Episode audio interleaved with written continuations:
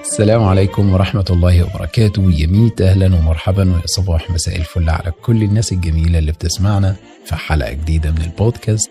وحلقتنا النهاردة بنحكي فيها حكاية الأندلس.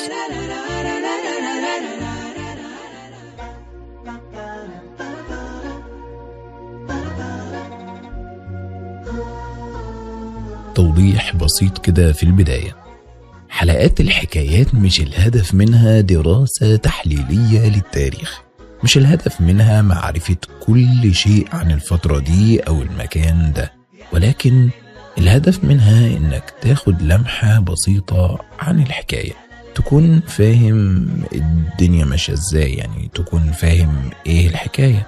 ولعل ده يكون سبب إنك تفتح كتاب تاريخ بعد كده أو تحاول تطلع على الموضوع بصورة أكبر وأعمق. خلينا قبل ما نبتدي الحكاية نبص على الجغرافيا. هنلاقي إن الأندلس اللي هي دلوقتي أسبانيا والبرتغال موجودة في جنوب غرب أوروبا موجودة في شمال دولة المغرب يفصل بينها وبين المغرب مضيق جبل طارق. خلينا نبتدي الحكاية.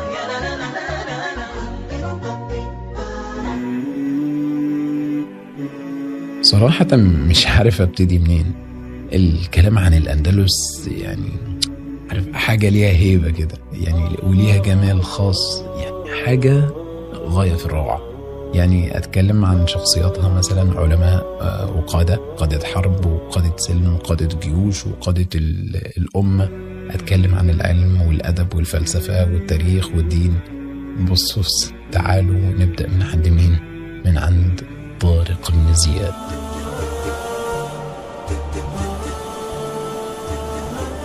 أيها الناس.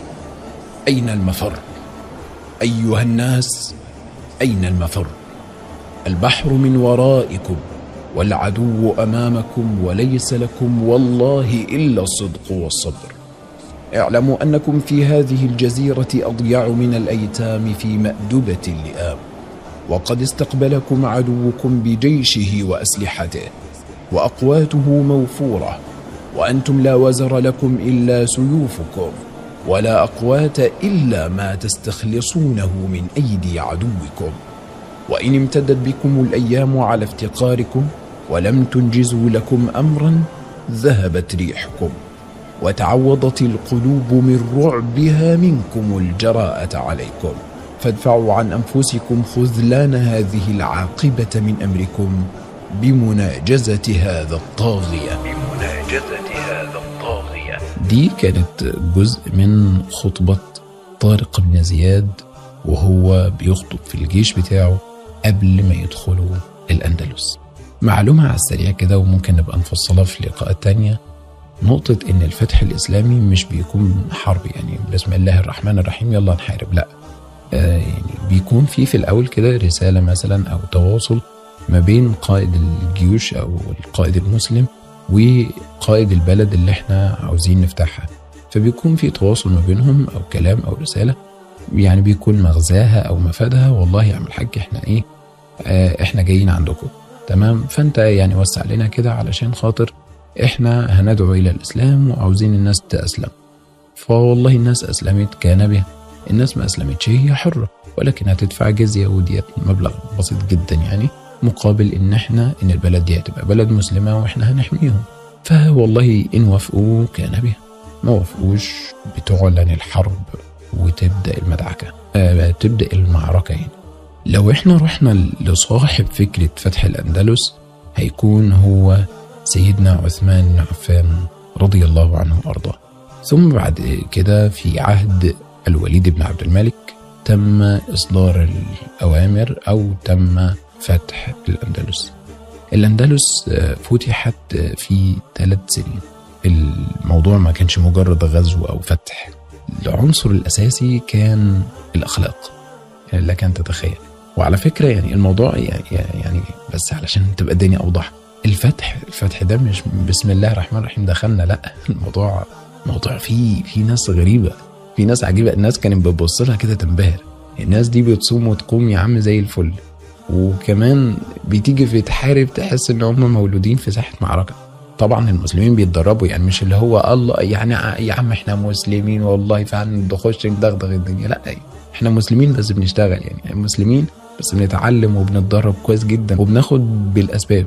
يعني أنت لما تيجي تبص مثلا لموسى بن نصير اللي هو القائد اللي قبل طارق بن زياد اللي هو يعتبر هو اللي فتح شمال إفريقيا لما جه يبص على نقطة إزاي يفتح يفتح الأندلس فلقى قدامه 13 كيلو متر مية تمام؟ اللي هي بين المغرب وبين إسبانيا اللي هي الأندلس. بس هو ما عندوش سفن.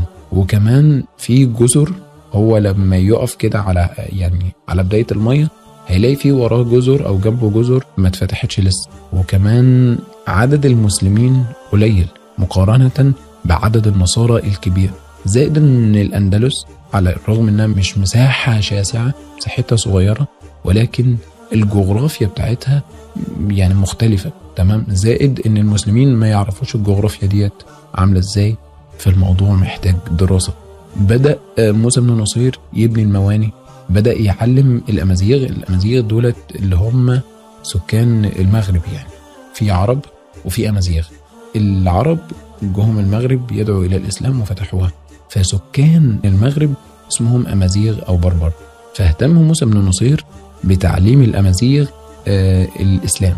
وكمان بدأ إن هو يختار قائد لحركة الفتح ديت فاختار طارق بن زياد. طارق بن زياد واحد من من البربر. يعني واحد منهم أصلا تمام؟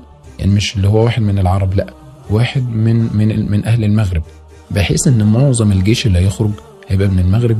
فيبقى واحد منهم علشان خاطر مراعاة للنفوس. بس قبلها هو كفاءة يعني في كفاءة يعمل حاجة زائد القدرة على التواصل مع الناس فده أمر عظيم جدا. ومن قرايتي كده على فكرة لاحظت إن طارق بن زياد يعني كانت ملامحه جميلة جدا جدا. ما شاء الله. فالشاهد من الكلام ده إن الموضوع مش يعني مش مش جهجهوني كده بسم الله الرحمن الرحيم نخش أي حتة نقفل يا باشا. موضوع دراسه وقراية حتى من الحلول أو من الحاجات اللي استخدمها موسى بن نصير علم الناس الإسلام ابني عند المسلمين عقيدة تخليهم يتحركوا. يعني هم هيتحركوا للقتال. لكن تتخيل إن جيش الفتح ده كان عدده 7000 مقاتل. 7000 وبعد كده طارق بن زياد يعني أرسل لموسى بن نصير إن هو يرسل له المدد عشان العدد قليل. فأرسل له خمسة آلاف مقاتل. فبقى الموضوع 12 ألف مقاتل معاهم عدد أحصنة قليل أو عدد خيل قليل. فبقى المقاتل الراجل اللي هو بيقاتل على رجله أكتر من المقاتل الفارس اللي هو راكب فرس. 12 ألف مقاتل هيبدأوا الحرب مع كام بقى؟ مع 100 ألف مقاتل. أون أون أون طب إيه ده؟ كم من فئة قليلة؟ غلبت فئة كثيرة بإذن الله.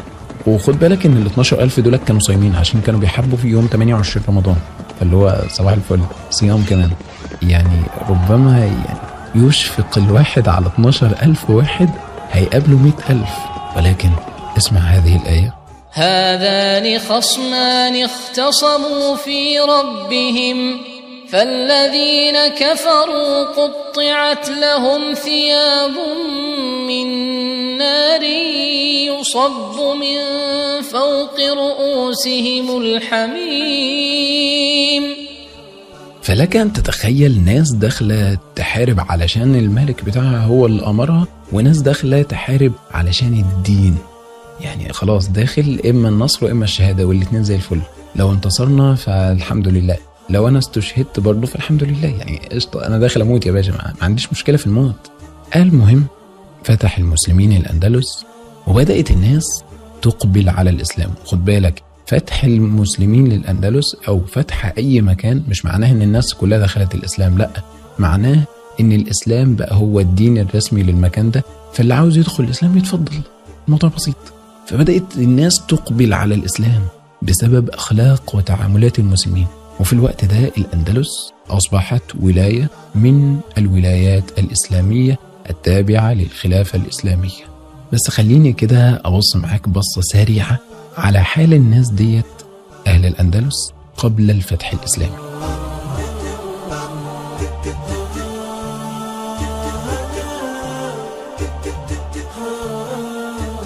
الأندلس كما كان من ضمن أوروبا كانت تعيش في ظلام. ظلام العصور الوسطى انتشار للجهل والمرض والانتشار للأساطير. انحطاط في كل المستويات تعليم وثقافة ومعيشة. كانت تعيش في ظلام إلى أن فتحها المسلمون. بداية عزة بداية كرامة. يعني تقدر تقول كده؟ وبدأ العصر الذهبي. حرفيا تعليم وبناء مساجد معمار ودور علم. المسلمين طبقوا العدل والمساواة بين المسلم وغير المسلم. بنوا حضارة عظيمة صنعوا الجمال وبعتوه للعالم كله. كانت الأندلس في الوقت ده نقطة النور اللي بتنير العالم كله وعاصمة العلماء والعلم. يعني اهتموا بالتعليم بنوا المدارس دور العلم المساجد. المسلمين أول من أنشأوا الجامعات في العالم. أول من أنشأت فكر الجامعة واحدة اسمها فاطمة الفهرية. وهي حفيدة عقبة بن نافع. كانت الأندلس وقتها بالله عليك يعني اسمع المعلومة دي. كانت الأندلس وقتها بلا أمية. حضرتك إحنا بنتكلم على الكلام ده يعني خبر فات يا جدعان. إحنا بنتكلم على حاجات بقالها حوالي 500 سنة. إحنا بنتكلم عن دولة بلا أمية. أنا بكلمك وإحنا في مصر دلوقتي في انتشار الإنترنت والفيسبوك. حمو بيكا مش متعلم حضرتك. والله العظيم حمو بيكا ما متعلم ولا بيعرف يفك الخط. نسبة الأمية في مصر تتجاوز ال 20 وال 30 وال 40 في المية يعني إيه يا جدعان؟ فتقدم تقدم غير عادي. يعني أنا أنا بس يعني حاولت أنقل لك الصورة فكرة الأندلس بلا أمية. اهتموا بالتعليم حتى بتعليم المكفوفين. أقاموا مصانع الورق فأدى إلى انتشار الكتب والمعارف وتم إنشاء مكتبات عامة ومحلات لبيع الكتب وصالونات ثقافية. وكان في كمان يعني كتب في كل المجالات. في الوقت اللي كانت أوروبا تعيش في عصر الظلام اهتموا بالزراعة طوروا من, من الفواكه اهتموا بالحرف وصناعة العطور والسجاد. طيب بص خليني أكلمك كده عن كام شخصية على السريع. من الشخصيات المؤثرة جدا جدا القائد عبد الرحمن الداخل وهو موحد الأندلس الفاتح الثاني لها الذي أعلن استقلالها عن الخلافة الإسلامية. وحد المسلمين والأسبان في الأندلس. إيه ده؟ المسلمين والأسبان؟ يعني إزاي دي؟ هقول لك هقول لك. المسلمين لما دخلوا وفتحوا الأندلس. المسلمين دولت اللي هم كانوا عبارة عن إيه؟ كانوا عبارة عن عرب تمام؟ جايين من من شبه الجزيرة العربية وكانوا بربر أمازيغ اللي هم جايين من المغرب. فلما نزلوا هما الاثنين وراحوا ونزلوا الأندلس وبعد كده بدأت الناس تتوافد من المغرب عليهم علشان خاطر يعلموا الناس الدين وغير كده؟ بدأ يبقى فيه ثلاث فصائل من الناس أو ثلاث أنواع. بقى عندنا عرب وعندنا أمازيغ وبربر وعندنا أسبان. يبقى إحنا كده عندنا ثلاث فصائل. الثلاث فصائل دول كانوا يعني دي دي فصائل بشرية. طب إيه الأديان؟ كان في مسلمين وكان في نصارى وكان في يهود. فعبد الرحمن الداخل بدأ يوحد الوضع هناك إن هو بدأ يجمع الناس على كلمة واحدة علشان خاطر تحصل النهضة الحقيقية. عبد الرحمن الداخل طبق مبدأ التعايش بين الثلاث ثقافات وثلاث ديانات في الأندلس. طبق المساواة بين الكل. أقام دولة موحدة. أسس جيش يتكون من كل الطوائف أسبان وعرب وبربر وأمازيغ. ترسانة وأسطول بحري قوي. أسس الوزارات وعمل مصالحة بين الأندلسيين. هقول لك على كمان شخصية وهو عبد الرحمن يعني بص يعني هو كل الناس عبد الرحمن هناك. عبد الرحمن الأوسط وهو صاحب حضارة الجمال. الله حلو حلو التعبير ده. صاحب حضارة الجمال. كانت الأندلس عاصمة الجمال في العالم كله. وتم نقل الحضارة ديت والجمال ده لأوروبا كلها. فهو اللي بنى قصر الحمراء وهو أكثر القصور مزارا في العالم. هقول لك على كمان حاجة. هو اللي أنار الشوارع بالمصابيح وأنشأ الحدائق وبرع في صناعة العطور. ده عبد الرحمن الأوسط. طب شوف بقى عبد الملك. وهو الملك المظفر عبد الملك بن منصور صاحب النهضة العلمية الذي تبنى العلماء وقرر تخصيص 10% من أموال الدولة للبحث العلمي. بحث علمي من 500 سنة. أيوة يا فندم. 10% من أموال الدولة للبحث العلمي. فيعني لك أن تتخيل إزاي الدولة ديت تتقدم في العلم. إزاي يعني العلماء هي يعني هينطلقوا. خلاص بقى بص يعني هينطلقوا ظهر علماء في الطب وفي الجراحة زي أبو القاسم الزهراوي وتم إنتاج مئات براءات الاختراع. طب خليني أقول لك خمس أسماء من أبرز علماء الأندلس. على رأسهم وأشهرهم الإمام القرطبي. الإمام شمس الدين القرطبي وهو إمام مالكي صاحب تفسير الجامع لأحكام القرآن. كتاب مشهور جدا في التفسير وله كتاب التذكرة في أحوال الموتى وأمور الآخرة وله كتاب الأسنى في شرح أسماء الله الحسنى وغيرها من الكتب. الإمام القرطبي نسبة إلى قرطبة. قرطبة ديت أحد المدن في الأندلس. يعني عالم عالم جليل ولحد النهاردة التفسير بتاعه موجود وبنتعلم منه. الإمام القرطبي آه، نزل مصر. نزل مصر اتعلم فيها. يعني بعد بعد ما خد فترة ولما انتشر العلم جدا في مصر نزل مصر وتنقل بين الإسكندرية والقاهرة والفيوم في طلب العلم وتوفي رحمه الله في أسيوط سنة 671 هجرية ولعلك يعني لو أنت ما تعرفش الإمام القرطبي فأنت أكيد تعرف تلميذه النجيب الإمام ابن كثير من أكثر المتأثرين به الإمام ابن كثير رحمه الله. خلينا نخش على شخصية تانية من العلماء وهو المهندس عباس بن فرناس. أيوة أنت سمعت الاسم ده قبل كده. هو أول طيار في التاريخ. عمل محاولة طيران ومات فيها رحمه الله. يعني هو دلوقتي مهندس طيار شاعر عالم في الرياضيات والفلك والفيزياء والكيمياء والفلسفة. حتى إن هو لقب بحكيم الأندلس. خش على شخصية بعد كده وهو ابن البيطار. وهو أشهر علماء المسلمين في الصيدلة. وإمام النباتيين وعلماء الأعشاب. سجل فوائد وكيفية ومقدار استخدام أكثر من 1400 عقار بالنباتي وحيواني ومعدني منهم 300 لم يذكرها أحد قبله. تعال نشوف الفيلسوف الإدريسي وهو مؤسس علم الجغرافيا وله في الأدب والشعر ودرس الفلسفة والطب والنجوم في قرطبة. من أبرز الدارسين للرياضيات وكان الفيلسوف الإدريسي ده صنع كرة أرضية واستخدم ورسم عليها خطوط العرض عالم في الجغرافيا. يعني وكان يعني وصل لدقة في رسم الخرائط والحدود والبلدان أكثر من كثير جدا جدا ممن سبقوه. وأخيرا وليس آخرا ابن رشد الأندلسي الذي ولد سنة 520 هجريا في قرطبة. طيب ده ده نظام إيه بقى؟ ده فقيه مالكي وقاضي القضاة في زمانه. وكان طبيبا وقد تفوق على أطباء زمانه وقد كان عالم فلسفة وفلك وكان مترجما لكثير من الأعمال الفلسفية. الناس ديت يعني يعني تحس إن فاضل لها جناحات بس كده وتطير. يعني حاجة عظمة على عظمة ما شاء الله يعني.